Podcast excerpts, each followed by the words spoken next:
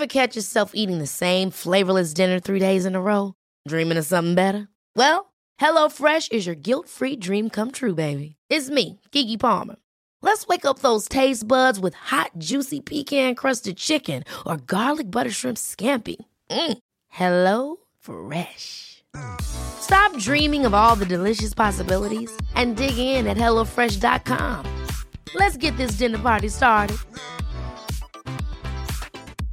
Ready to pop the question? The jewelers at BlueNile.com have got sparkle down to a science with beautiful lab grown diamonds worthy of your most brilliant moments. Their lab grown diamonds are independently graded and guaranteed identical to natural diamonds, and they're ready to ship to your door. Go to BlueNile.com and use promo code LISTEN to get $50 off your purchase of $500 or more. That's code LISTEN at BlueNile.com for $50 off. BlueNile.com code LISTEN.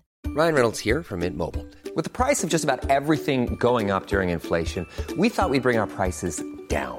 So to help us, we brought in a reverse auctioneer, which is apparently a thing.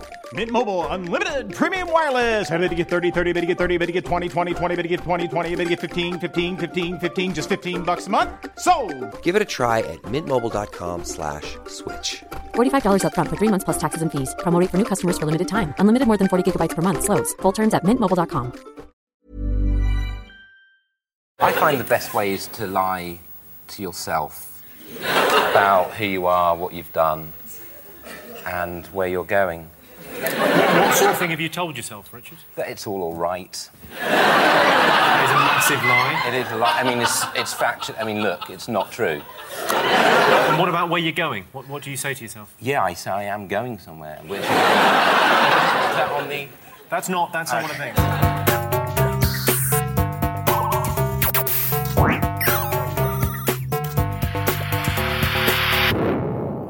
Velkommen til Sinnsyn. Jeg heter Sondre Risom Livre, er psykolog, og dette er Webpsykologens podkast. Hverdagspsykologi for fagfolk og folk flest.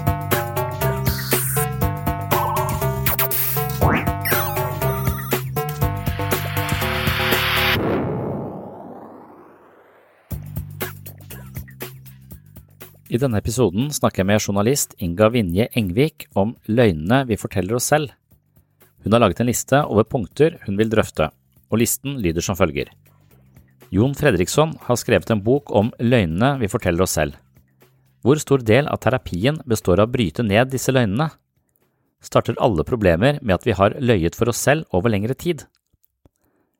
Er du enig med Jon Fredrikssons resonnementer om løgnene, drømmer, illusjonene og virkeligheten? Hvorfor, og eventuelt hvorfor ikke? Hva med håp? Er det å ønske og håpe på en endring det samme som å lyve for seg selv? Må vi velge mellom håp og virkelighet? Hva mener du? Jon Fredriksson skriver, Å vente på at virkeligheten skal bli borte, er ikke håp, men fornektelse. Men hva er egentlig virkeligheten? Kan ikke den endres? Og hva med religiøse og spirituelle mennesker? Er også deres holdning til virkeligheten, hendelser i livene sine og håp om fremtiden løgner de forteller seg selv? Finnes det i dine øyne noen tilfeller hvor løgnen er å foretrekke over sannheten? Alle lyver for seg selv. Hva er det som gjør at noen blir syke av løgnene og andre ikke? Er det noe vi selv kan gjøre for å bryte ned disse løgnene, eller unngå at de gjør oss syke? Før jeg setter over til samtalen mellom Inga og meg selv, vil jeg gi en kort introduksjon til løgnens psykologi. Slik Inga leser Jon Fredriksson, handler de fleste psykiske plager om en form for selvbedrag. Stemmer egentlig det? Jeg ligger til et lite lydspor fra TV-serien 30 Rock for å demonstrere nettopp denne problemstillingen. Why are you dressed like a janitor? It's my new job. But you just got promoted. Well, I've had a few setbacks, but only a quitter quits, sir. So here I am, starting back up the ladder to my dreams. My career dreams, not the dream where those two tennis sisters chase me. You really are an extraordinary young man, Kenneth. No matter what happens, you always keep your chin up. Medically, it's a neck ridge. I mean, look at you. You're not just back where you started, you're doing worse. And even if other people say to you, your life is a mess, stop looking at your mother in law. I can't write your movie. You stay positive. You always believe that everything is going to work out. How do you do it? Well, I'll tell you my secret, sir.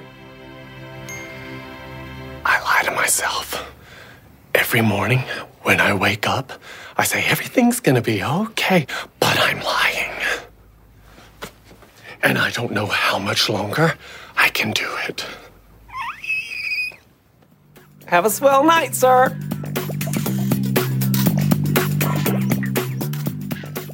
Løgn har vært et tema på sinnssyn ved flere anledninger. Det er også et svært sentralt element ved psykisk helse. Av mange ulike årsaker lyver vi for oss selv, og vi lyver for andre. Noen ganger lyver vi bevisst, mens andre ganger forvrenger sannheten uten at vi selv er helt klar over hva som skjer. Mange vil hevde at psykisk helse handler om å tåle å ligge så tett på virkeligheten som mulig. Selv om virkeligheten i seg selv ikke nødvendigvis er en fast størrelse, men snarere noe vi er med på å forme i kraft av våre egne perspektiver og handlinger. Når vi lever på livsløgner som i liten grad korresponderer med virkeligheten, lever vi ofte som forholdsvis dårlige livspiloter. Man kan si at Donald Trump er en person som lever på noen overdrevne fantasier om sin egen fortreffelighet, noe som gjør at hans private fantasier kolliderer med virkeligheten og ødelegger for mange. Han har aldri vist noen evne til å virkelighetsorientere sine grandiose tendenser, og på sikt vil man forvente at stor diskrepans mellom den subjektive opplevelsen og den ytre virkeligheten vil føre til problemer både for ham selv og andre. Når han i tillegg har enormt mye makt, kan de virkelighetsfjerne trekkene hans få katastrofale følger. På samme måte, men i en annen ende av spekteret, finner man mange av pasientene jeg møter i min hverdag ved psykiatrisk poliklinikk. De har ofte svært lave tanker om seg selv og sin egen verdi, ofte som følge av kritikk, mobbing eller ulike typer omsorgssvikt gjennom oppveksten, og deres negative syn på seg selv blir også en del av den virkeligheten de lever og den livskvaliteten de oppnår eller eventuelt ikke oppnår. De har lært å oppfatte seg som mindreverdige, noe som ofte er forankra i andres løgner, mangel på god forstand eller destruktive utspill mot dem. En annen type løgn handler om de små unndragelsene vi gjør for å unngå en ubehagelig følelse. Vi lyver til andre for at de skal føle seg vel, eller stryker våre venner med hårene for å beholde god stemning. Når vi lyver for andre, er det fordi vi antar at de ikke tåler vår oppriktige mening, noe som representerer en nedvurdering av den andre fra vår side. Alternativt serverer vi småløgner for å unngå ubehagelige følelser fordi vi selv synes det er plagsomt. På denne måten legger vi opp til et litt eh, løgnaktig spill som langsomt stripper oss selv og våre relasjoner for integritet, åpenhet og oppriktighet. Jeg mener at de tilsynelatende ubetydelige hverdagsløgnene er den langsomme og nesten usynlige veien inn i dårlige relasjoner som videre kan avstedkomme både ensomhet og andre psykiske plager. Ofte sammenligner jeg, eller nesten likestiller, psykisk og fysisk helse. Hvis jeg trener mye, kan jeg løfte tyngre og tyngre vekter. Psykisk vektløfting handler ofte om å tåle virkeligheten, se sine egne svakheter, tåle følelser, være ærlig og unngå snarveier som gir en følelsesmessig lettelse i øyeblikket, men indirekte krever en form for utroskap mot deg selv og sannheten. Hvordan blir man egentlig psykisk sterk? Man trener på å nærme seg virkeligheten. Det vil si at man er så oppriktig som mulig, unngår å lyve og undersøker rasjonalet bak egne tanker, følelser og handlinger. Problemet er nemlig at vi ofte lyver for oss selv uten å vite det. Som nevnt tror jeg heller ikke at virkeligheten er en statisk størrelse, men selv om det ikke finnes en absolutt virkelighet eller sannhet, tror jeg det er mulig å leve mer eller mindre sannferdig. Psykisk sterke mennesker lever så sannferdig som mulig, og de tilstreber å holde denne standarden som en underforstått målsetting gjennom hele livet. Motsatt risikerer man å bli psykisk svak hver gang man unngår følelsesmessig ubehag med hvite løgner og unnvikelser. Man blir psykisk svak hver gang man ikke orker å ta ansvar for seg selv, men skylder på andre. På fitnesssenteret løfter vi vekter av metall for å få sterkere muskler. På et mentalt helsestudio tilstreber vi å løfte oss selv opp mot en stadig mer oppriktig og sannferdig livsførsel. Og som jeg har nevnt mange ganger tidligere, hvis du er mer interessert i denne typen mental trening, er du selvfølgelig hjertelig velkommen til mitt eh, mentale treningsstudio på patron.com. Som medlem på min Patron-side får du mange fordeler og mange øvelser mynta på psykisk styrke og selvutvikling.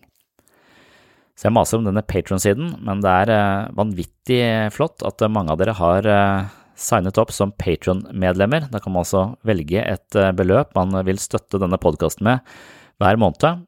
Det støtter hele dette prosjektet, som er ganske kostnad- og tidkrevende.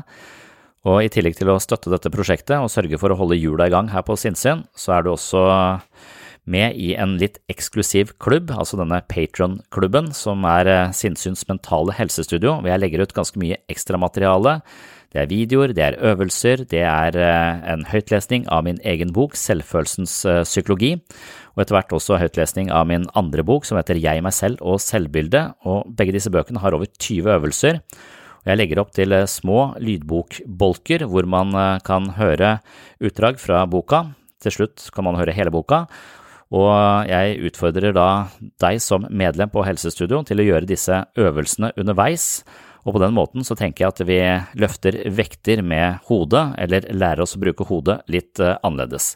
Det er i hvert fall målet med Sinnsyns mentale helsestudio, og det mener jeg egner seg for alle som er litt over middels interessert i psykologi, filosofi og selvutvikling, og de som liker å lodde dybden i seg sjøl og tenke litt mer enn eh, bare helt på overflaten.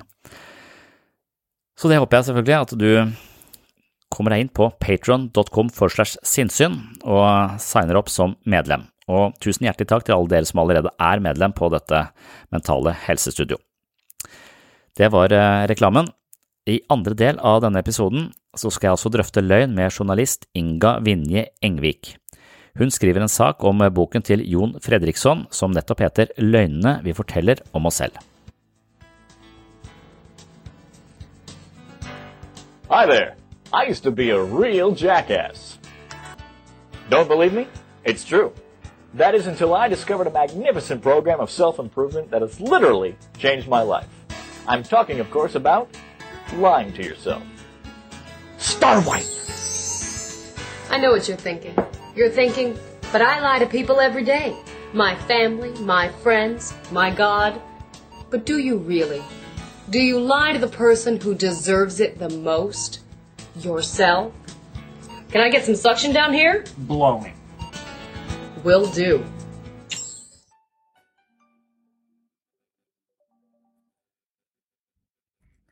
Hei, Sondre.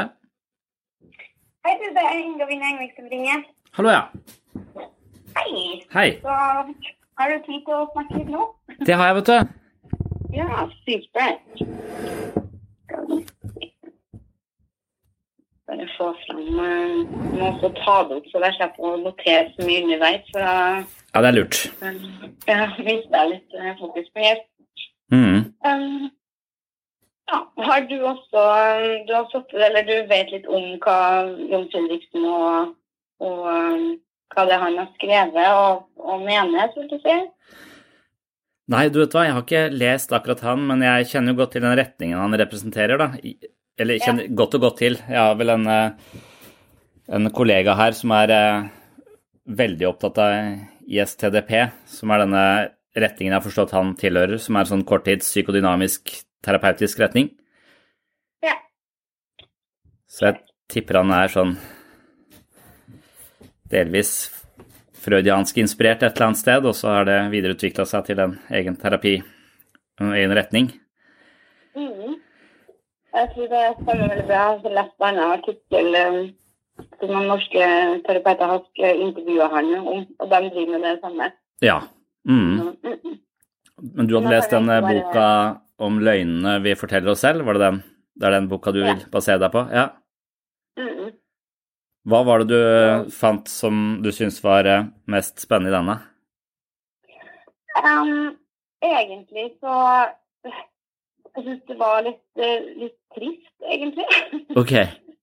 Hvis det er lov til å si det. Eller sånn, jeg følte at det ble veldig, veldig negativt. Okay. Jeg er kanskje en litt optimistisk, litt drømmende eh, person som heier på håp og kanskje fantasier, da.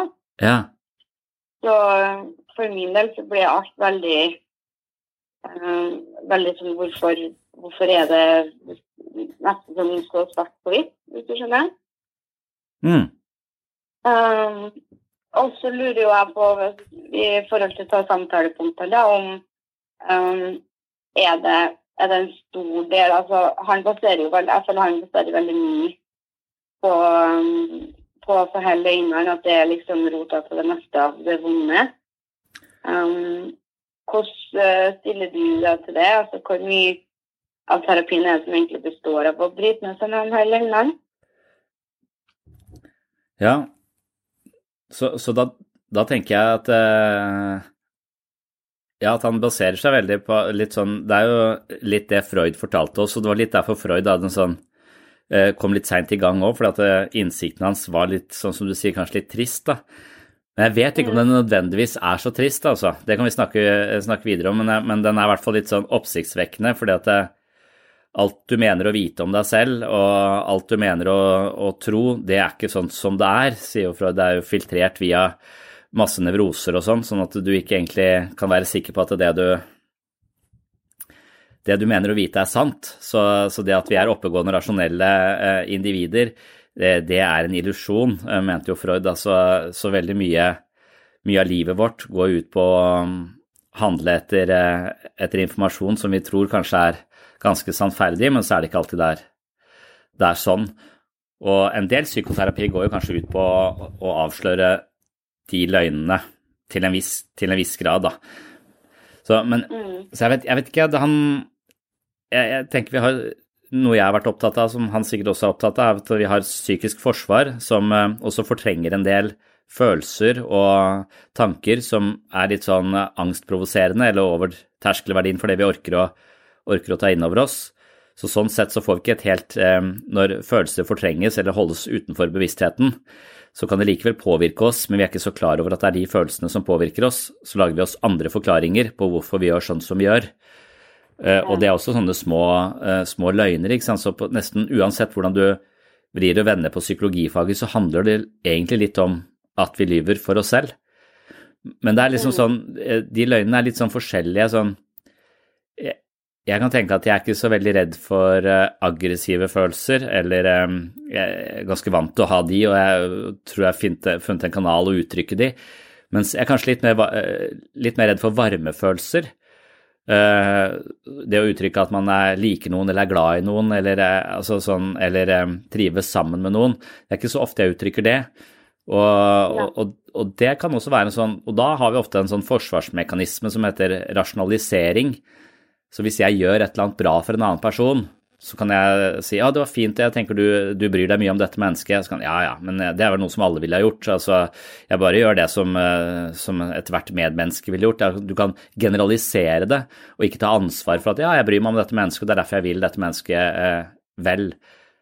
Så eh, det, det, blir for tett, det blir for nært, og så, og så, lager vi en slags overbeviser vi oss selv og andre om at vi gjør dette bare fordi det er det moralsk riktige å gjøre. Så det er ikke det at jeg er så innmari Eh, jeg liker personen eller noe, jeg bare gjør det moralsk riktige. Mm. og det er sånne bitte små løgner ikke sant, som, vi, som jeg tror kanskje det er flere av enn vi tror, da. Og, ja. Og, men uh, det spørsmålet jeg tenkte å spørre senere, men det kan ta det nå, at er det, um, er det sånn at alle de her løgnene gjøres like? For sånne løgner ser jeg for meg det er jo De gjøres jo ikke syke, dem, kanskje? eller? Nei, jeg tror ikke alle løgnene gjør oss eh, syke, og så tror jeg ikke vi klarer å eh, jeg tror ikke vi, tror ikke vi klarer å eh, Hvis sannheten er et ideal, så tror jeg aldri vi når dit. Jeg tror aldri vi vet akkurat hvorfor vi gjør det vi gjør. For jeg tror, Ikke fordi at vi nødvendigvis tar feil av motivasjonen bak det vi gjør, men den motivasjonen vi tror ligger til grunn for det vi gjør, den er bare én av tusen faktorer som spiller inn på at vi gjør akkurat det vi gjør eller kanskje 2000, og så kjenner vi til kanskje 10. Eh, og derfor så, så, er det Vi handler ikke på bakgrunn av en løgn, vi handler på bakgrunn av masse faktorer vi ikke er klar over. Så man kan jo si at jeg, jeg tror løgn, løgnspekteret her er ganske stort, for jeg tror at vi er mer eller mindre tett på det som faktisk er virkeligheten. Så jeg tror vi kan være ganske virkelighetsorienterte og ganske tett på virkeligheten, eh, eller det som er mest mulig sant. Og så tror jeg vi kan være ganske langt fra det som er mest mulig sant. Og da tror jeg det ligger Du, du kan si at det, eh, du kan tenke veldig godt om deg selv, overdrevent godt om deg selv, mer enn du egentlig kan stå inne for. Eh, og da kaller vi det, hvis det blir vilt, så kaller vi det narsissisme, eller du har en liksom oppblåst eh, forståelse av din egen verdi og din egen betydning. Eh, og da kan du bli president i USA, f.eks. Han ligger jo veldig han, han, han, ligger langt fra virkeligheten, på en måte, men har sin egen virkelighet som han på en måte iscenesetter. Eh, og den, den, den, korresponderer ikke så godt med virkeligheten til alle andre mennesker. Da. Så, så han, han, må vi si at hvis det finnes en virkelighet, så, så er sannsynligheten for at han ligger litt fjernt fra den, ganske stor. Så, så, så det, det, er jo én måte. Du kan tro for godt om deg selv, men eh, det er ikke problemet til de menneskene jeg møter, hvor det blir en sykdom. Altså, de tror for dårlig om seg selv. Og, og, det er nok derfor at du, hvis du, tenker, du er positivt anlagt og, og, litt sånn, så er det greit for deg å tenke at, eh, at det, er, det, representerer en, eh, en slags uh, god måte å orientere seg i virkeligheten på. Det kan godt hende det gjør. Det kan godt hende det er ganske virkelighetsnært også. Men når jeg har pasienter, akkurat som han Jon Fredriksen, så tror jeg vi er litt opptatt av å fortelle dem at alt de tenker og føler er feil.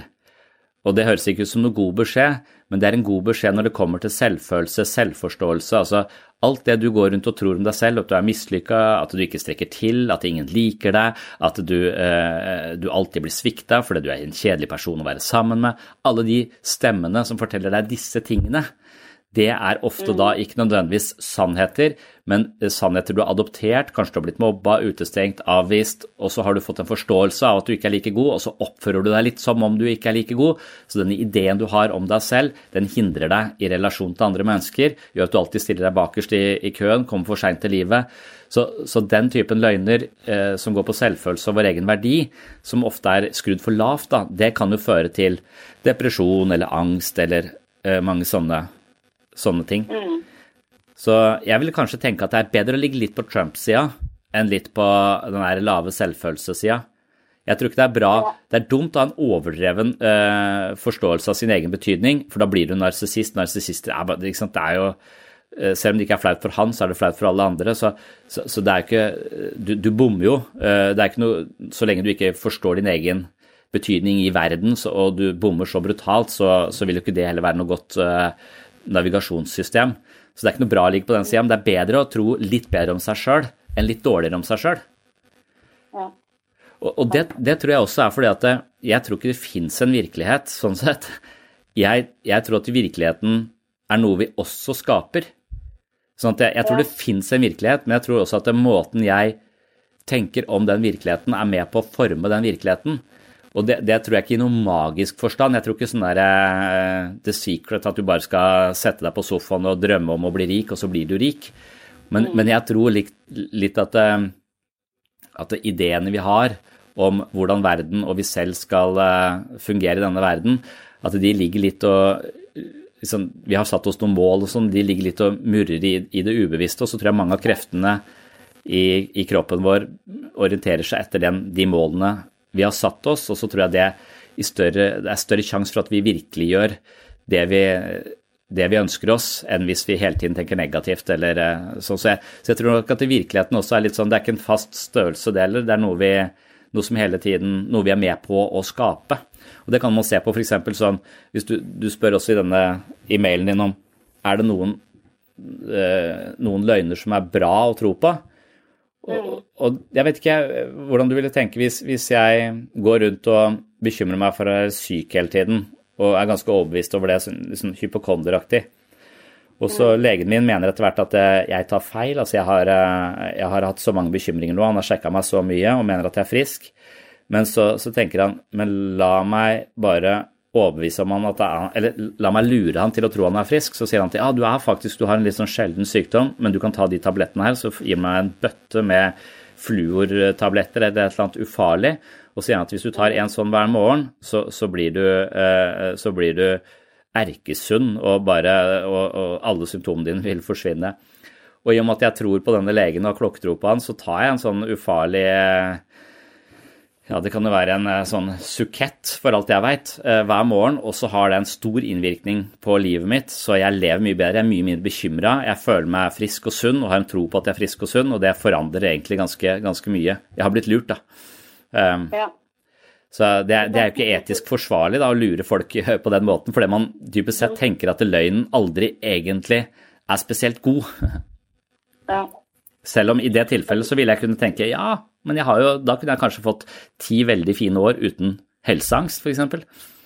Mm. Men eh, akkurat ja, Det er jo sånn som du sier det med virkeligheten for hva det egentlig er. Hva er virkeligheten? For i det sånn hypokondersituasjon, da, hvis man er hypokonder, så er man vel fysisk frisk ofte. Mm. Da er det jo Løgn blir jo egentlig sannheten. men eh, men at, akkurat det så tenker jeg kanskje mer på sånn som du sier, da, at ofte så er det de pasientene som kommer inn, har eh, de løgnene de forteller, forteller seg sjøl, handler om at eh, de er dårligere enn de er. Men at enkelte ganger så kan det faktisk være greit å f.eks. Um, at noen fantaserer eller tror at man eh, er litt flinkere enn man er, for at, og, real, altså, og at virkeligheten er at man er kanskje veldig, veldig dårlig til noe. Ja. Um, det er hardere enn at du tror at ok, men jeg er faktisk jeg er OK til å spille fotball, men egentlig så er du helt elendig. Mm. Ja, og det tror jeg du er ved kjernen nå, men så tror jeg det er en årsak til at folk ikke tør å tenke på den måten du, du legger opp til. Og så er det litt min oppgave å prøve å legge opp til en annen måte å tenke om seg selv på. Sånn som du, du sier der, så for, fordi at hvis du tror at du er mislykka, så vil du ofte være mislykka også. Det er det som er eh, for, Fordi at hvis du, hvis du har Det er jo nesten Det er jo det er jo som operativsystemet i datamaskinen. ikke sant? Hvis det eh, hele tiden tolker data på en sånn bestemt måte, så kan du fòre den datamaskinen hva som helst informasjon, men så lenge programmene da ikke fungerer optimalt, så vil du bare få de samme dårlige resultatene. Eh, og da er jo datamaskinen då- dårlig på sett og vis, og sånn er det litt med mennesker, og bare at vi er mye mer kompliserte. Så hvis jeg går ut og tror jeg er dårlig, eh, så vil jeg også kanskje da unngå utfordringer og ikke trene på de tingene jeg mener å være dårlig på, fordi jeg er så dårlig likevel. Og da blir jo det sant, det også. Det blir jo sant at jeg er dårlig. Hvis jeg sier at jeg er en dårlig sjåfør, eh, har sertifikat, men kjører aldri, og jeg kjører ikke fordi jeg er dårlig, så, er det, så, så, så vil jo det Jeg vil kunne argumentere jeg, Da vil jeg kunne bevise at jeg er dårlig ved å sette meg i en bil eh, og så bare kjøre gjennom byen. Eh, for det, jeg har ikke, det er ti år siden jeg har gjort det, f.eks. Så, så, så alt de tror om seg selv, blir også litt sant, så de har jo på en måte rett. Og når de har rett, så skal du begynne å overbevise dem om at det, men det er ikke nødvendigvis en, en sannhet som er skrevet i stein. Det er en sannhet du har valgt å tro på, som har blitt din sannhet, og også manifestert seg fysisk i livet ditt. Men din oppgave blir nå å avsløre denne løgnen fordi at du tror du er dårlig eh, sjåfør fordi faren din, når du drev med kjøretrening, eh, kritiserte og var så stressa hele tiden. Sånn at eh, han eh, mer eller mindre, eller moren din, da, overførte en eller annen idé om at dette her får du ikke til, fordi de var så nervøse i bilen sammen med deg, f.eks. Og så har du bare trodd det. Så, så opphavet til den eh, sannheten din om at du er en dårlig sjåfør, den har eh, den har, en, eh, den har en historie, og den er installert på et tidspunkt. Og når den ble installert, så har du eh, videreført den og gjort den virkelig, kan man si. Og det du skal gjøre nå, er å begynne å trene på nytt med litt blanke ark og tenke at den ideen du har om at det er dårligere, den er ikke nødvendigvis eh, sann. Det er litt enkelt med sånn kjøreskoleeksempel, men så er det litt mer komplisert når det handler om din egen verdi som menneske, fordi det har blitt mye, mye kritisert osv. Så, videre. så da, da, da skal du avsløre eh, løgnene dine. Um, og det er mange sånne løgner som sitter veldig hardt i oss. altså Jeg pleier veldig ofte å snakke om at, eh, at barn trenger ofte eh, Hvis de har foreldre som ikke klarer å ta vare på dem, så vil de ta inn over seg eh, ofte en idé om at det er de som er roten til problemet, for er, da er det lettere for dem å leve. Hvis de bare er snille og gode, og foreldrene er forferdelige, så bor de i en umulig verden. Altså, du er nødt til å ha noen som er større og sterkere enn deg, som kan ta vare på deg, for du er jo helt hjelpeløs som barn. Og Hvis du ikke har det, så vil du ofte snu problemet og si at de foreldrene mine de er egentlig veldig gode, men de bare orker ikke være sammen med meg fordi jeg er så dum. Eh, Så du, du snur denne ideen for å kunne leve i verden. Så jeg er en ond person, derfor så tar ikke de vare på meg. Da eier du problemet på en annen måte enn hvis du gjør så godt du kan og bare blir avvist og svikta hele, eh, hele tiden. Og da blir jo det ofte en livsløgn. altså Du føler deg skyldig, du føler deg til bry, du føler deg mange sånne, eh, sånne ting som hindrer deg i å leve optimalt, og det hindrer deg i hvert fall i å nå potensialet ditt da, på alle mulige områder, når det er sånn du tenker, eh, tenker om deg selv. Så, og da blir jo det også virkelig, virkeligheten eh, det, det, Du risikerer å gjøre det til virkelighet. Mm. Ja, men mange av de eksemplene som Jon Fredriksson kommer med, handler ofte om, altså, om løgner i relasjoner. At, Ja. eh, for eksempel det at eh, kona som kommer inn og fortsatt tror at man eh, skal slutte å være utro, men eh, som aldri blir det. Og han da som mener at eh, du lyver altså, du, du for deg sjøl. Han har allerede forlatt deg, egentlig. Nå liksom lyver til deg sjøl for å gi, det, gi håp om at det skal endre seg. Og Ja. da er det da, da er det sånn for min del Hva er det hva er det som er håp? Og så er alt slags håp om i en håpløs situasjon løgn. Og, eh, og det å ønske og på en endring er det samme som å lyve for seg sjøl. Og må man da velge mellom håp og virkelighet? Litt. Ja. Det- Ja, det, det Ja, det Så da Da skjønner jeg hvorfor jeg, jeg, jeg, mitt, mitt motto er jo ikke at um, du lyver for deg selv, egentlig. Eller jeg tenker at alt du tenker og føler er feil, men det tenker jeg gjelder andre mennesker også. Eh, så, så en sånn situasjon hvor, eh, hvor, du har, hvor du er sammen med en eller annen kronisk utrop utro person, så, um, så, så vil det jo være litt sånn så, så, kan vi, så kan man fremstille den personen som litt naiv, da, har hele tiden en tro på at det skal bli bedre og finner seg i, i det meste. Eh, og, og da kan det jo jeg, jeg, vil- Det kan godt hende at løsningen er å gå fra dette mennesket, at du, du går rundt og lurer deg selv for å tro at det skal bli, bli bedre. Så, så på et eller annet tidspunkt her så må du kanskje innse at det, Men, men da, da kommer du litt over en sånn statisk virkelighetsforståelse. Da tenker du at det, eh, denne personen er kronisk utro. Han kan per definisjon ikke endre seg. Det er en ganske drastisk konklusjon, tenker jeg, for det kan jo være at det, det kan være masse ubevisste dynamikker her også. Hvor, eh, hvor, du, hvor du har eksempler på mennesker som fører andre mennesker ut i utroskap fordi at de liker å ha den makten det er ved å, at den andre føler seg skyldig. Altså, eh, eller, eller de eh, strekker ikke til på en eller annen område. Så, så, det, er så det, er, det er sikkert en, en million faktorer som fører til utroskap. eh, Og det kan godt være at den personen er helt uhelbredelig utro, men, men det kan jo også hende at det handler om noe som er i relasjonen, som det er mulig å eh, å fikse det, men da må man være mye mer oppriktig. ikke sant? Og det å tåle sannheten, det å være åpen om sannheten i en relasjon, det er kjempevanskelig. Eh, Så, så, så jeg kan jo selv på en måte krangle med kona mi og, og si ting som jeg nesten i øyeblikket er klar over at ikke er helt sant. Men det er min sånn der kranglete fortolkning av situasjonen, så jeg kommer litt bedre ut, så jeg slipper å tape ansikt. Eh, og jeg er jo jeg, er nesten klar over at det er en løgn i det jeg sier det, men jeg har nesten en sånn uh, evne til å overbevise meg selv om at det ikke er helt løgn også.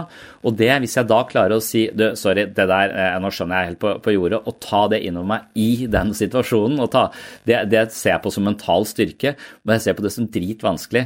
Så jeg tror jo ofte vi, vi skaper oss sånne løgner og, og, og ja, små livsløgner for å, for å ikke tape verdighet, eh, ansikt, eh, identitet, eh, selvforståelse.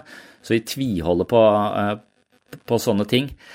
Så, men, men, men mitt eksempel som ligner Fredriksens eksempel, vil være at det fins mennesker som vokser opp med en sånn håp om at foreldrene mine skal plutselig begynne å oppføre seg annerledes og vise at de elsker meg likevel, når de har brukt et helt liv på å ruse seg og gi faen i det.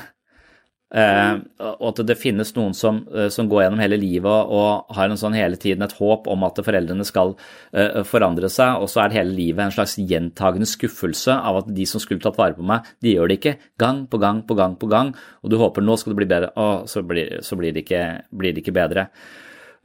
Og det er litt å leve i et slags offer for andre menneskers tilbøyeligheter. Og da kan det være at det er et litt mer realistisk syn på at vet du hva, det du ønsker fra foreldrene dine, det har de ikke kapasitet til å gi. Eh, og dermed så, eh, så er det å gå og håpe på det, det er å gå og prøve å kontrollere noe du selv ikke kan kontrollere, og det er en fryktelig dårlig eh, måte å leve livet sitt på, for det er garantert eh, eh, skuffelse hele, hele tida. Så, så, det er jo litt da er det jo bedre å, å, altså, å forstå det, da. Altså bli klar på det. Ja. Selv om det er vondt og smertefullt. Ja. Eh, det. Og så kan du, hvis man er forelder sjøl, så kan man på en måte også kanskje forstå foreldrenes posisjon i den forstand at det, vi, jeg er klar over at jeg ikke er en optimal forelder, og det er vel det jeg går ut og tenker på hele, hele tiden. Jeg tror, jeg, jeg tror, ikke det er så mange som føler seg som optimale foreldre. Jeg tror de føler de driter seg ut eh, ganske ofte. Og det er liksom det som er en del av greia. Jeg vet ikke helt hvordan vi skal gjøre det heller. Jeg har 250 bøker om uh, oppdragelse, og ifølge halvparten av de så feiler jeg hele tiden. Så det er helt, eh, helt umulig å så, så, den der følelsen av ikke strekke til som forelder, hvis du har Det fins jo psykopater som ikke bryr seg om barna sine, men, men, i den grad du bare bryr deg så mye du klarer og gjør så godt du kan ut ifra de forutsetningene du har, så kan du liksom vokse opp og bli voksen, og du har voksne barn, og de konfronterer deg, og så er det rett og slett bare for tungt å bære. Du klarer ikke å ta inn over deg at du har svikta, på en måte. Du er nødt til å leve i den der ideen om at ja, men jeg var det, jeg ga de mat, og ja, de fikk alt de trengte. Ja, de fikk alt de trengte, men du var aldri der. Ikke sant? Ikke sant? Det, det, er noen sånne ting som, som, som kanskje blir så mye å ta inn over seg for et menneske at det vil gå til grunne. Eh, og dermed så vil denne løgnen være den eneste måten du må tviholde på din sannhet av eh, denne oppveksten, for hvis ikke så, så kan du ikke leve videre. Sånn vil jeg tenke deg med Breivik, f.eks. Breivik kan aldri se at hm, ja, det var kanskje ikke eh, så optimalt å ta livet av eh, 77 mennesker, majoriteten ungdommer, tilhørende Arbeiderpartiet. du, hvis du skjønner at det, den livsfilosofien du har handla ut ifra, ikke egentlig holder mål, så tror jeg den dårlige samvittigheten og den tyngden av det vil være så tung at du ikke kan leve lenger. Eh, så, hvis, så, så, det er noe med, noe med, det også. Og det er de alvorlige livsløgnene vi nesten er nødt til å ha for å ikke lide psykisk sammenbrudd. da. Men jeg tror et annet mer sånn hverdagslig problem er at vi lyver på et mye mindre skala enn det der. Eh, vi, vi lurer oss selv til å tro at eh, Uh, ja, nå kommer jeg jo, så er jeg litt sånn irritert uh, for at det har skurra litt i relasjonen nå, men kan vi ikke bare se en Netflix, det er ikke så farlig, det går sikkert over i morgen. Det er å tro at ting går over i morgen, eller eller at du bare Ja, jeg tar, jeg tar, tar og spiser litt sjokolade i dag. Det er jo tirsdag, men, men, eh, det er ikke så farlig. Det er jo bare tar lite grann. Så, så, alle sånne ting Jeg tror vi har mange sånne forklaringer på hvorfor vi gjør sånne ting som egentlig strider imot uh, våre egentlige prinsipper, eller det som er vanskeligst å gjøre der og da. Jeg tror kanskje at det, vi i motstand uh, bøyer litt lett av, og at det kan også være livsløgner. Eh, eller sånne små måter å lyve for seg selv på. Kall det bare uvaner. Du vet at du burde snakka med partneren din om dette her, for det har irritert deg en stund nå, men istedenfor å snakke om det, for det der kan bli ubehagelig stemning, så går du rundt og holder det inni deg, og så går du rundt og bærer en slags sånn eh, ubevisst nag, og egentlig så bygger det en vegg mellom deg og den andre som bare blir tjukkere, tjukkere, tjukkere, tjukkere, og til slutt så, så klarer du ikke å ha noe med denne personen å gjøre, og så ender det i en eller annen form for skilsmisse eller et eller annet. Så, så jeg tror at det er disse små unndragelsene, som egentlig ikke er en løgn, det er bare en unndragelse. Jeg tror det ofte er det å bære stein til denne potensielle fremtidige skilsmissen. Og det er det som er problemet vårt, at vi orker ikke å konfrontere potensielt vanskelige følelser der og da. Og der tror jeg vi er litt, det tror jeg kanskje er litt mer mentalt latskap. Du veit at det kan være litt vanskelig å snakke om, du veit at det kan bli litt eh, dårlig stemning, men du veit også at det er en mulighet til å, å, til å være åpen overfor den andre og, og, og, gi den andre en mulighet til å forstå deg, og du kanskje en mulighet til å forstå den andre på en bedre måte enn du hadde i utgangspunktet. Og så er det, det er liksom det er vedlikehold av, av relasjonen. Akkurat som en vedlikehold av en sykkel. Jeg kjøper alltid en sykkel, drit fornøyd med den i starten, men jeg vasker den faen aldri, og så står den ofte ute. Eh, eh, så, så, jeg vet at jeg kunne ivareta For det er, liksom, det er små grep som, som, hadde ført til at jeg kunne hatt en sykkel ganske lenge, og så har jeg den ganske kort, og så er jeg opptatt av miljøet, så jeg hater meg selv for det. Men det er litt på samme måte med Det er sånne små unndragelser da, eh, i, i livet som jeg tror jeg tror at de fleste mennesker har ikke ett stort problem fordi de har én livsløgn. Jeg tror at de fleste mennesker har masse små unndragelser som til sammen kulminerer i en måte å leve livet sitt på som ikke er spesielt, spesielt bra. One size fits all seems like a good idea for clothes until you try them on. Same goes for healthcare. That's why United Healthcare offers flexible, budget friendly coverage for medical, vision, dental, and more. Learn more at uh1.com. There's never been a faster or easier way to start your weight loss journey than with PlushCare. PlushCare accepts most insurance plans and gives you online access to board-certified physicians who can prescribe FDA-approved weight loss medications like Wigovi and Zepbound for those who qualify. Take charge of your health and speak with a board-certified physician about a weight loss plan that's right for you. Get started today at plushcare.com slash weight loss. That's plushcare.com slash weight loss. plushcare.com slash weight loss. Ever catch yourself eating the same flavorless dinner three days in a row? Dreaming of something better? Well, HelloFresh is your guilt-free dream come true, baby. It's me, Kiki Palmer. Let's wake up those taste buds with hot, juicy pecan-crusted chicken or garlic butter shrimp scampi. Mm. Hello Fresh. Stop dreaming of all the delicious possibilities and dig in at HelloFresh.com. Let's get this dinner party started.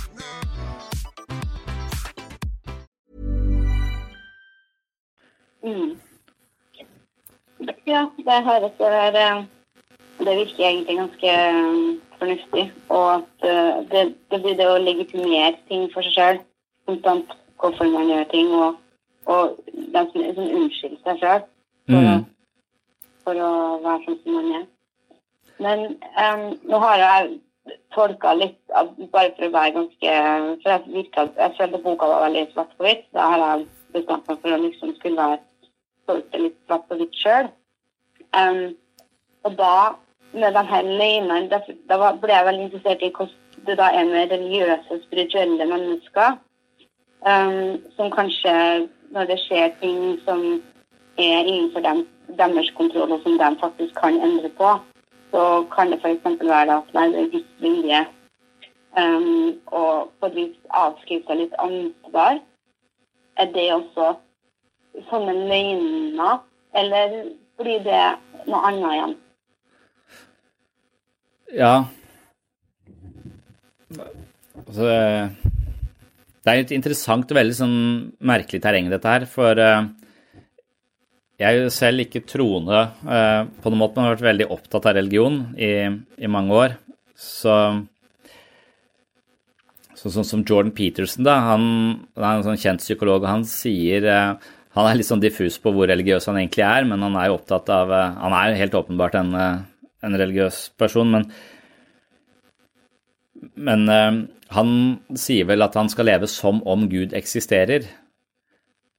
Og der, der kan det være at La oss si at det ikke stemmer, da. La oss si at Gud ikke eksisterer. Og for meg så er det overhengende sannsynlig at det, det er sånn. I hvert fall fordi det er så mange forskjellige guder man tror på, så kan ikke alle eksistere. I hvert fall ikke ut ifra en kristentro hvor det er monoteisme og det er én gud. Så, eh, så på et eller annet, men da er spørsmålet vil den ideen eh, om at eh, det finnes en gud, vil den, hvis den er falsk, vil det være en idé som er god å ha, eller vil det være en idé som er dårlig å ha? Og der fins det heller ikke noe sånn klare svar. Man kan jo lure på Det kan jo hende at, at det finnes mange potensielle psykopater og umoralske mennesker som hadde oppført seg mye dårligere i livet sitt, og siden de oppfører seg dårligere mot andre, så ville de hatt det mye dårligere også, men pga. en sånn overhengende livsfilosofi om at du skal gjøre godt mot andre, så gjør de bare det slavisk, og på den måten så genererer det mye bedre relasjoner, noe som i neste omgang gjør at de har et bedre liv og kanskje har litt mer medfølelse, så det kommer inn i en slags god, god spiral, da, fordi det fins en eller annen sånn overformynder der oppe som ser dem og har bestemt hvordan man skal og ikke skal, eh, skal være. Så da er det en idé som er, eh, som er god. Eh, Jeg vil jo tendere til å tenke at den ideen noen ganger er litt passiv. altså Så lenge den ideen om Gud ikke er passiv, men aktiv, så, så har ikke jeg så store problemer med det. Men hvis du har en sånn Hvis, hvis du er sånn passivt eh, du, du skriver også du lurer på håp, da, håp og tro og, og, og sånn. altså Jeg er nok mer på at du, du kan konstruere ditt eget liv, og du er ansvarlig for å skape mening i ditt eget liv, og det er ikke noe du kan sitte og vente på, eller håpe kommer, eller håpe faller ned i hodet på deg. Det er noe som du er, eh, du er nødt til å være aktivt med å konstruere. Så, så idet man, eh, man på en måte eh, fraskriver seg ansvaret for å skape mening i livet og bare tilskriver det en eller annen guddommelig instans, så, så, tenker jeg at det kan være en litt passiv måte å, å leve på. Samtidig så vet jeg at det, forskning viser at de kristne har det litt bedre enn de som ikke er kristne, f.eks. Altså livskvaliteten er litt marginalt, men det er bitte litt høyere. Så den derre det å kunne sitte og hvile i at det finnes en større mening i dette, istedenfor å bale med hva faen er meningen med dette, og jo, jo mer sånn Richard Dawkins du leser, og jo mer du leser om sorte hull og uendelighet, jo mer skjønner du hvor forferdelig ubetydelig du har. Så, så kan det godt være at denne følelsen av å være ubetydelig eh, bare genereres jo, mer, jo nærmere virkeligheten og en større forståelse du får for sorte hull, jo større eh, blir den eksistensielle angsten. Da. Eh, og kanskje på et sånt nivå at du lever et ræva liv full av angst og meningsløshet og nihilisme. Mens du motsatt kunne bare hvilt i at det, det, finnes en større mening, vi kan ikke helt vite hva det er, men jeg velger å tro at det er noe, eh, noe der ute som, eh, som, bryr seg om oss og, og har en plan for dette her. Og så lever du 80 år på en bra måte. Eh, men da vil jo disse eh, ateistene si at ja, det er feig måte å leve på. Det er å leve i villfarelse, på en måte. Det er å leve en livsløgn. Og de vil se på det som sånn mentalt svakt, da, mens de tåler virkeligheten, de tåler sannheten. Eh, og den sannheten er da bedre å orientere seg etter. Og hvis du tåler det, hvis du klarer å leve i en verden som er bygd opp av materie og så, så, så, kan det godt hende at det er en ganske sånn At det er bra eller ganske mentalt sterkt å å klare det. Det er ikke sikkert alle klarer det, da. Så jeg er litt med på at eh, du, må jo vi, vi, må tåle så mye virkelighet som vi klarer å tåle. Men som psykolog så vil jeg nok se på at det, det å prøve å nærme seg virkeligheten Eh, vil, vil, være sånn vi lever friest. For hvis virkeligheten er noe vi må unngå, noe vi må fortrenge, noe vi ikke klarer å forholde oss til, eller må lage oss historier som en buffer mot den angsten vi får hvis vi ser virkeligheten i hvitøyet, så, så lever vi litt Da er vi litt hjelpeløse, vi er litt avhengig av noe utenfor oss selv. Så jeg vil på meg selv tenke at målet mitt er å være mest mulig selvforsynt, sånn at jeg slipper å lukke øynene eller snu ryggen til problemer, være mest mulig åpen og tørre virkeligheten på en best mulig måte. Men det er ikke dermed sagt at det, og det, det ser jeg på som et evig langt prosjekt. Det er noe man må holde på med hele, hele livet. For døden, f.eks., det er ikke noe som jeg eh, elsker å tenke på. Eh, eller, eller, er helt avklart med på noe som helst måte. Eh, og, og, så lenge det er slutten på alt, det, så, så er det nok det noe jeg heller prøver å ja, eh, ta en øl og se på Netflix. Det er bedre for meg å gjøre det i øyeblikket enn å, å men, men, det er kanskje litt sånne små unnamanøvre som det der, at jeg heller kanskje burde av og til i passe dose prøve å konfrontere døden, møte døden. Eh, for hver gang jeg er nødt til å ty til en eller annen sånn utenforliggende greie for å, for å flykte fra meg selv da, med øl og Netflix, så, så, så er du igjen litt sånn eh, eh, du er, du er litt jaga i livet ditt, der virkeligheten jager deg litt, på en måte. Ja. Og jeg tror ingen av oss tåler virkeligheten fullt ut, sånn sett. Altså, det er noen ting som vi er nødt til å holde på en viss avstand. Eh, men, men, det er ikke dermed sagt at vi ikke skal, skal, skal møte de. Du kan ha edderkoppfobi. Du er livredd for edderkopper. Og behandling vil være å langsomt møte den edderkoppen helt til du kan gå rundt i et hus uten å være redd for edderkoppene. Det er ikke dermed sagt at du skal ha masse edderkopper oppi senga di hele tiden. Eh, så, så, du holder en Og jeg tenker også at det, at eh, vi er i en koronasituasjon, altså folk eh, kan bli syke eller noen nær oss dør, så er det veldig utrolig trist. Og, og noen av oss bruker en viss grad av humor som en slags buffer mellom oss og virkeligheten. Og det tror jeg også kan være en god måte å ikke rømme fra virkeligheten på, men klare virkeligheten med en sånn litt sånn ironisk distanse som gjør at vi klarer å forholde oss til det som skjer, men det kommer ikke så tett på oss at vi har liksom døden oppi senga hele tiden. Nei.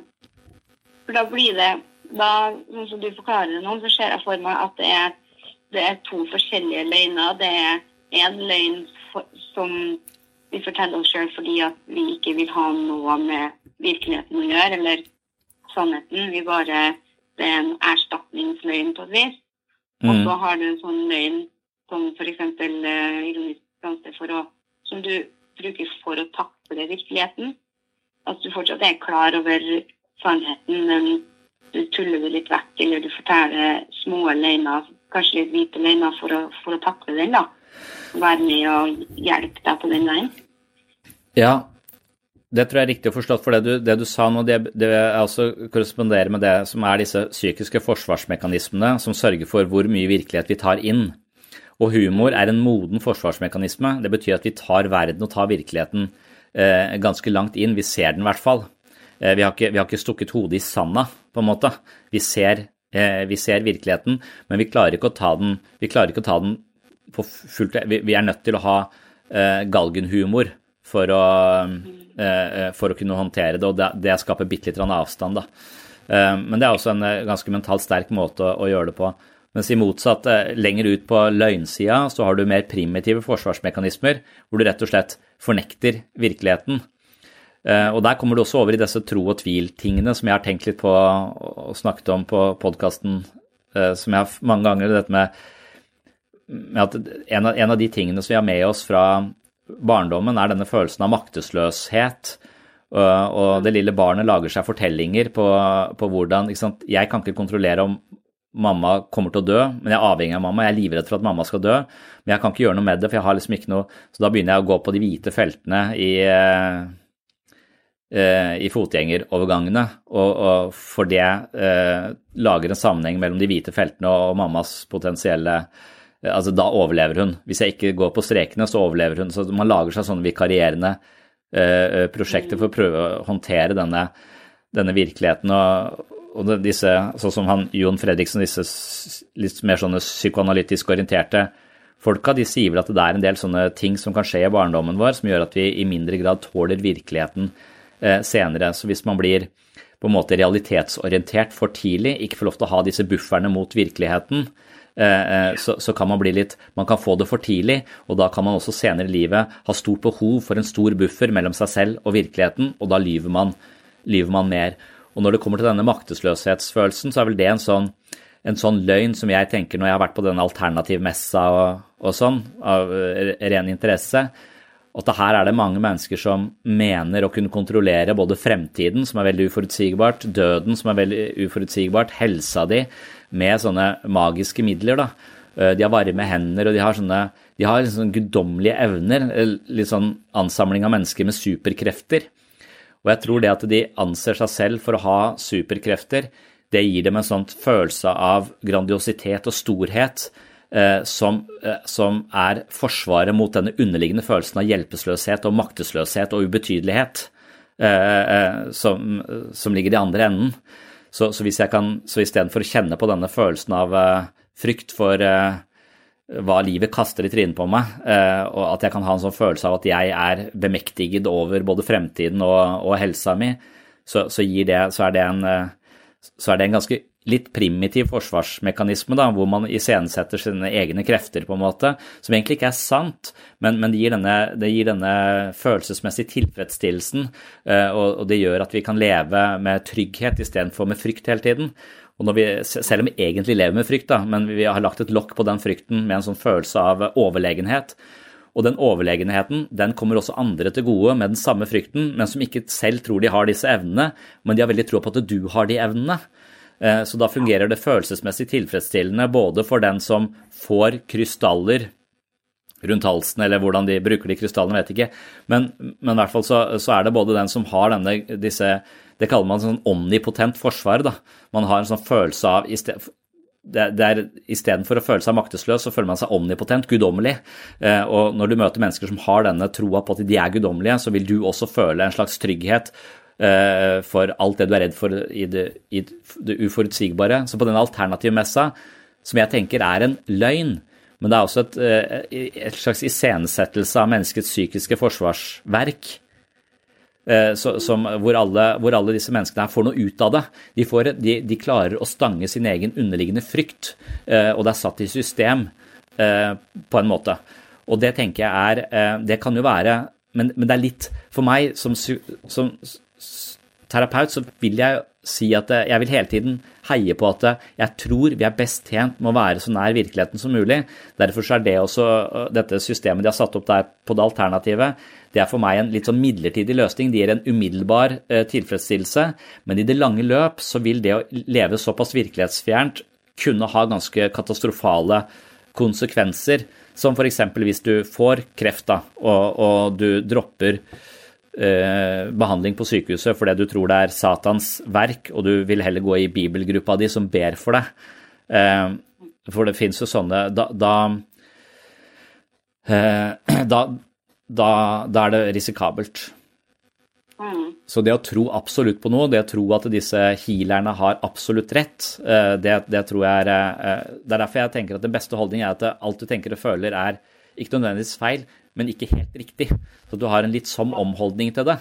Eh, så folk går og prøver det bare fordi at de, de har sett at ingen andre muligheter er der. og så, så, så, så tenker jeg at det kan, jo, det kan jo være et ledd i en slags aktivt forhold til sin egen helse. Jeg oppsøker ulike ting for å være for det jeg, jeg ønsker å leve. Det er noe, noe aktivt uh, i det. Men du kan også tenke at jeg trenger ikke gjøre noe med dette, for at det Gud fikser det. De ber for meg. Og jeg har gitt penger til Jan Kåre Hanvold på Visjon Norge, så jeg kommer til å, få en million kroner i løpet av uh, 2021. Det har Hanvold lovet. Bortsett fra at den eneste som blir rik av dette, er Jan Hanvold. Sånne ting. Så, så jeg mildt sagt forbanna på en del av de alternative tingene, fordi at de spiller på menneskets sårbarhet og vår frykt med, med, løgn. Uh, så, så, jeg syns Da er vi over i en sånn Det er det primitivt forsvar, men det er litt sånn Når det er satt i system, uh, så kan det også utnyttes av de som ikke Av de som bare ser menneskets sårbarhet og utnytter det.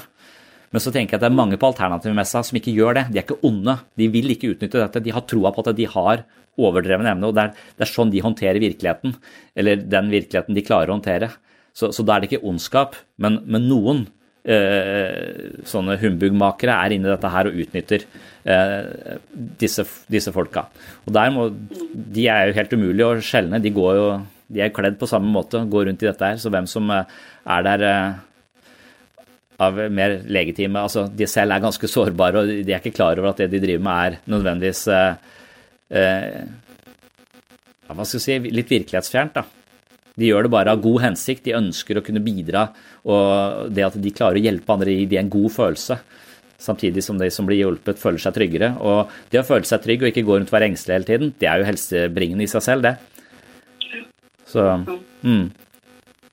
Altså, den her altså, da, Vi er jo enige da at eh, det, tar, det er jo ikke alle løgnene som gjør oss syke, og at de som gjør oss syke, er jo eh, lange livsløgner på et vis. Er det noe vi kan gjøre sjøl for å bryte de løgnene, eller hvis det har kommet så langt at vi har blitt sikre, så er vi da helt totalt blinde for det? Nei Ja, psyko... Jeg opplever at mennesker er mer eller mindre tilgjengelig for nye perspektiver eh, som behandler. Og I den grad et menneske er tilgjengelig for nye perspektiver, så har de også ganske gode prognoser. Men jo mer belasta de er, jo hardere ramma de er, jo mer de er midt oppi en livskrise eller et eller annet uh, uh, veldig, veldig overveldende og vanskelige, så er det ofte problematisk å komme med uh, Eller veilede de ut til å få nye perspektiver på sin egen situasjon. Da. Så da blir de litt fastlåste. Så den terapeutiske metoden er jo sokratisk i den forstand at den ofte den sier ikke ja, du tar feil, for hvis du sier til noen du tar feil, så vil de bare si nei, det gjør jeg ikke, og så vil de bare argumentere enda kraftigere for at de har riktig. Jeg er en verdiløs person, f.eks. Så, mm. så du vil mye heller stille spørsmål så du tenker at du er verdiløs. Eh, hvor, eh, når begynte du å tenke det første gang? Hvor tror du denne ideen kommer fra? Eh, hva slags erfaringer har du gjort deg som har sørget for at du har fått denne eh, tanken om deg selv? Er det noen andre som har bidratt til å få deg til å tenke sånn? Sånn at du, du får de til å reflektere over sin egen måte å tenke på. Og det er da du kan oppdage dine egne livsløgner, på en måte. Så, så, det er alltid eh, Jeg vil alltid tenke at det er et håp. Og så vil jeg alltid Hvis vi tar den der eksempelen med det med eh, det med å lure andre til å tro at du kan helbrede dem med krystaller, mer eller mindre mer eller mindre med overlegg, da, sannsynligvis mindre med overlegg, du tror bare at du kan det. Eh, det vil være kanskje litt det samme som du gjør et vennskapsforhold med en, med en person hvor du, hvor du, hele tiden står i dette dilemmaet av og til mellom skal jeg fortelle den andre akkurat hvordan jeg opplever situasjonen, eller skal jeg fortelle den andre uh, det den andre vil høre, så den føler seg bedre? Og det er ikke alltid at de to tingene der det um, Det er ikke alltid de utelukker hverandre, men ofte så gjør de det. Og det er nok det som er å være terapeut, da. Og, og det er å aldri ljuge for folk. Det er nok min hovedregel nummer én, egentlig i livet generelt sett, men også Jeg vet at jeg lyver mer privat enn jeg gjør som terapeut, da. Men som terapeut så er hele tiden målet mitt å ikke, ikke lyve og være totalt åpen på hvordan jeg opplever andre mennesker. Og det kan virke for noen som i liten grad tåler virkeligheten, kan man si, så er det, så er det problematisk. Og det er ikke dermed sagt at jeg har noe virkelighet om et annet menneske, men jeg har bare en opplevelse. Og det å våge å se på den opplevelsen altså jeg, Min opplevelse er filtrert via alle mine, mine nevroser. Men hvis du, hvis du sitter med en, med en, venn eller venninne som, som, har blitt dumpa av kjæresten, og de sitter og banner og sverter over hvor forferdelig dette mennesket var, og hvor egosentrisk og egoistisk osv., og, og, så videre, og du tenker at det, Nei, dette mennesket var egentlig veldig raust. Du er ekstremt egosentrisk i den relasjonen. Du tar denne relasjonen for gitt. Du har aldri ofra noe som helst, så at vedkommende har gått fra deg. Det er rart at de ikke gjorde det for et år siden, sånn som du har oppført deg. Hvis det er det du sitter og tenker, så, så, så er du jo i dette dilemmaet om, om, å da si ja, jeg veit han var en dust, han er bra du er kvitt den. Du kan jo si det, da, da er du på lag, og er, dere får det bedre der og da. Men på en annen måte så har du også devaluert vennen din, da, eller venninna di, fordi du tenker at det, du har sett hvordan de har oppført seg, og fra ditt perspektiv så ser ikke det bra ut. Og det å gi den andre det perspektivet, det kan føre til en slags selvbevissthet som gjør at de kanskje oppfører seg litt annerledes i neste relasjon de, de går inn i. Ikke tar den like for gitt. Så det å tilskrive andre evnen til å tåle din sannhet om dem, det er ofte å, For meg så er det også på en måte respektere folk, da. Og det å lyve for folk, det er jo egentlig å ikke respektere dem, eller det er også å se de som svake. Eh, så, så, hvor mye du tror en annen person tåler av sannhet, det er litt sånn uh, avgjørende. Og jeg tenker vel at uh, mennesket er best tjent med sannheten, men de er best tjent med den på en måte de kan håndtere. Så det å være en god venn er jo å, å, gi mennesker sannhet, eller være en god terapeut, gi mennesker sannhet på en sånn måte at det er mulig å håndtere det. Og hvis du bare pøser ut med sannheten hele tiden, så blir du en drittsekk som uh, sørger for at folk går psykisk til grunne. Men hvis du hele tiden også bare snakker de opp etter ryggen, eller bare stryker hunden med hårene, eller hva det heter, så sørger du for at de bare går i de samme mønstrene og ikke utvikler seg, som de kanskje kunne gjort med noen andre, andre perspektiver. Så det, det må vi alltid vekte, hvor mye vi tenker. Og forskning viser at hvis du lyver for en person, så vil du senere vurdere den personen som litt mindre verdt for å på en måte legitimere din egen løgn. Eh, sånn at eh, med en gang du ikke snakker sant til et annet menneske, så har du også for deg selv ubevisst fraskrevet det litt verdi som person. Jeg vet ikke hva du kan snakke om verdi som person, men, men bare for å, for å, legitimere din egen løgn, da, så, så, ser du av og til litt ned på, på, de, på de folka. Og jeg tror, jeg tror, det er Sam Harris som, som sier at eh, ca. 10 av eh, kommunikasjonen i et parforhold er løgn. Og opp mot sånn 20-30 av, eh, av kommunikasjonen i, blant studenter eller elever på videregående er løgn. Sånn at, sånn at, det foreligger jo en stor grad av sånne Men det er ikke sånn direkte ondsinna løgner. Det er bare sånn Nei, men det, det, det var bra jobba. Mens du tenker du gjorde jo ikke noe i det hele tatt. Det var den verste innsatsen jeg ikke sant? Så du, du, du satt jo bare der. Du prøvde jo ikke engang. Og så sier du nei, men det var bra jobba, du klarer det sikkert neste gang. Så er ikke det sant. Og, sånn kan man tenke litt om, om barn òg, tenker jeg. Altså hvor, vi skryter jo litt overdrevent mye av uh, barns prestasjoner. Uh, og jeg tenker at tegningene til barn er jo veldig ofte stygge. Uh, så, så det, men det vi skryter av, er jo innsatsen. Hvis de tegner i 13 sekunder og kommer med det, så gidder jeg ikke å gi det så mye ros og anerkjennelse som hvis jeg ser at de har sittet kjempelenge. Resultatet er dårlig fordi de er dårlige til å tegne, men innsatsen er god. Da kan jeg ofte mm. så, så, ja. Ja. Jeg ser det. At uh, det, det, er da vi, vi lyver for andre for å egentlig at de skal opprettholde sine løgner, da, på et vis. Sine små livsløgner, eller at hvis vi eh, For det kan være vanskelig å se dem sjøl. Det kan være vanskelig å, å unngå at de her løgnene eh, går til et punkt at man blir syk. Eh, men at de folka rundt deg kanskje også har vært med på å, å mate denne løgnen, da. Ja. Ved å ikke konfrontere. Absolutt.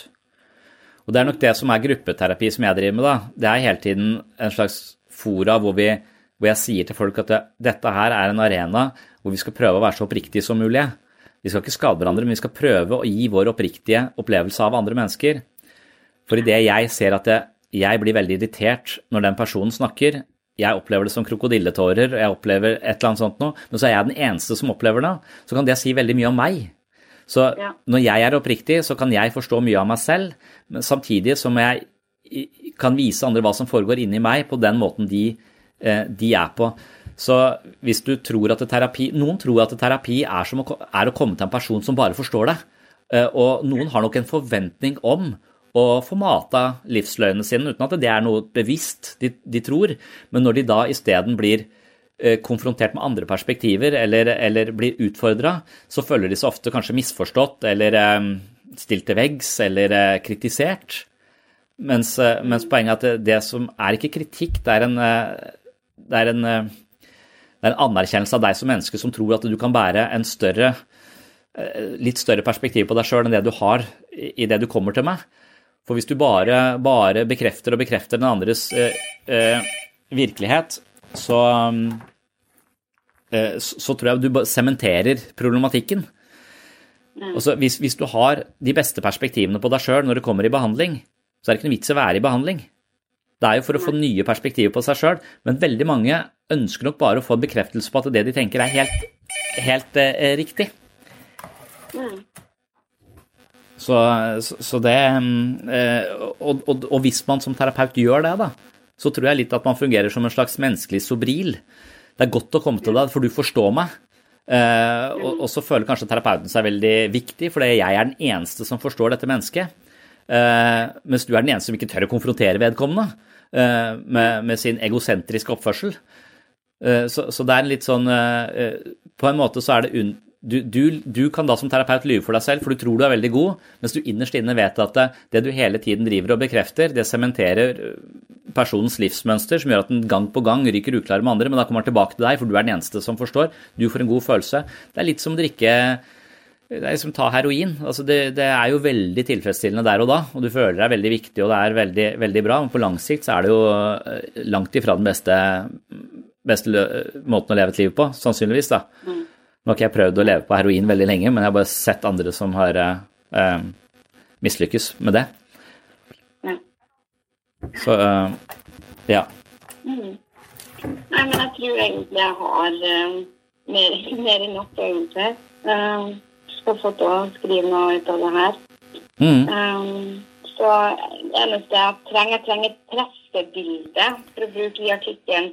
Ja. Um, jeg, kan bare skrive videre på en mail om uh, å skrive det, så kan du bare sende det dit.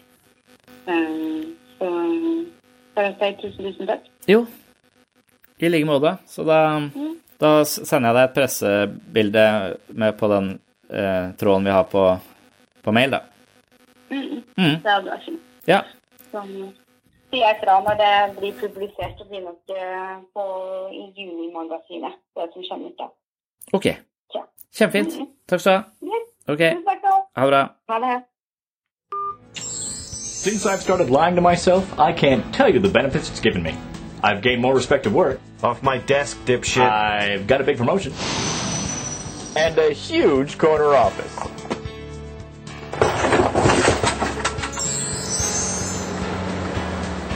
Takk for at du hørte på Sinnsyn. Takk til alle dere som har rata podkasten og kjøpt bøker, og ikke minst takk til alle dere som er Patrion-medlemmer, eller medlem på mitt mentale helsestudio. Der eh, legger jeg ut masse ekstra materiale, ekstra episoder, ulike mentale treningsprogram, leser fra selvfølelsens psykologi og jeg, meg selv og selvbildet etter hvert, pluss en del videomateriell fra ulike arrangementer rundt forbi. Så hvis du finner verdi her på Sinnsyn og ønsker å støtte prosjektet, og i tillegg ønsker litt mer sinnssyn hver uke, så er altså patrion.com for slags sinnssyn stedet å gå. Der kan man eh, velge et eh, abonnement som eh, passer deg, fra fem dollar til et abonnement på åtte dollar, og eventuelt et abonnement på 14 dollar. Og er du medlem, så får du også mye ekstra hver, hver måned. Jeg er veldig takknemlig for alle dere som har signa opp på Patron. Det gjør at jeg kan prioritere dette prosjektet, eller hele denne podkasten og hjemmesida og YouTube-kanalen og alt sammen, mye høyere enn det jeg gjorde før. Og jeg håper jeg kan gi da noe tilbake igjen. Så det er altså en liten gjeng her som er med på å finansiere eh, sinnssyn. Det gjør at jeg kan holde på med det jeg elsker å holde på med, snakke om psykologi, snakke med folk om psykologi og selvutvikling og filosofi og, og, det, og formidle det videre. For det er en slags viktig del av min egen praksis. Jeg leser ting, og da får jeg det sånn delvis med meg, og så skriver jeg om de samme tingene. Da får jeg litt mer med meg, og så til slutt så prater jeg om de tingene, og da eh, får jeg det under huden, og sånn lærer jeg. Så det er en litt møysommelig eh, prosess, men så er jeg også litt treig i huet, så jeg må gå noen ganger før jeg får eh, på en måte integrert de ideene som eh, ofte er de mest spennende ideene. Så det er min arbeidsmetode, og nå som jeg har en, eh, et eh, lite samfunn inne på Patron, et mentalt treningsstudio som støtter dette prosjektet, så kan jeg også prioritere dette her høyere, og det, det gjør meg veldig, veldig glad. Eller det gir meg egentlig også en stor mulighet til å føle dyp og inderlig mening i min arbeidshverdag, som nå går litt til eh, dette prosjektet her sånn. Litt mer enn det gjorde før. Så tusen takk til eh, alle dere. Eh, for de som ikke har økonomi til å støtte sinnssyn, så har jeg stor forståelse for det. De skal ikke behøve å betale noe som helst, og de skal få sinnssyn som vanlig i podkastappen helt gratis. Målet mitt er jo å spre kunnskap eller interesse, nysgjerrighet for menneskets psykiske liv til så mange som mulig, og det vil jeg fortsette med, og det er også den eh, overordna målsetningen. Og da er jeg klar over at det er mange mennesker som ikke har, eh, har, en lommebok som eh, tilsier at de kan betale for dette, og da vil jeg at de heller ikke skal betale noe for det, men få podkasten som, som, vanlig hver uke. Men jo flere folk som støtter dette prosjektet, jo flere podkastepisoder kommer det, og de som da støtter det, får også denne lille ekstra takken ved en del ekstramateriale inne på patron.com. Yes, det var det. Jeg håper du henger med i neste episode, og at du eh, ikke eh, lyver for verken eh, dine nærmeste eller deg selv i den kommende uken. Det er utfordringen. Men ikke si ting som gjør eh, at andre blir lei seg eller såra nødvendigvis. Da skal vi i hvert fall tenke deg om to ganger, for av og til når vi tror vi er oppriktige mot andre, så er vi egentlig bare irritert på de, og så sier vi det vi egentlig mener for å skade de. Og det er ikke den typen oppriktighet jeg er ute etter, det er mer den sannferdige oppriktigheten, så før du skal være oppriktig, så skal du vite at du har en god intensjon eh, overfor den andre når du er oppriktig. Så det er en eh, slags modifisering av Sam Harris sin idé, som er du skal alltid snakke sant uansett, med mindre du har Anne Frank på loftet og nazistene banker på. Det er det eneste unntaket ifølge Sam Harris. Jeg har litt flere unntak enn han, men jeg er fortsatt eh, eh, for at det å være så oppriktig som mulig er den beste veien å gå. Så eh, sannhet varer lengst. Ok, vi høres igjen i neste episode om ikke så altfor mange dager. På gjenhør! Lying to yourself. There's simply no better way to live. I should know. I told myself so. Now, if you'll excuse me, I'm going to go hang out with my new friends. Side effects may include diarrhea, abdominal pain, headache, nausea, and detachment from reality. Lying to yourself should not be used if you are pregnant, nursing, or have a history of violence, schizophrenia, or certain types of hallucinatory disorders. Always consult your physician. Call 1-800-555-6364 or send check or money order to Lying to Yourself Incorporated, P.O. Box 216, Bethel, Connecticut 06801. Hurry, supplies are limited, or are they? Call now!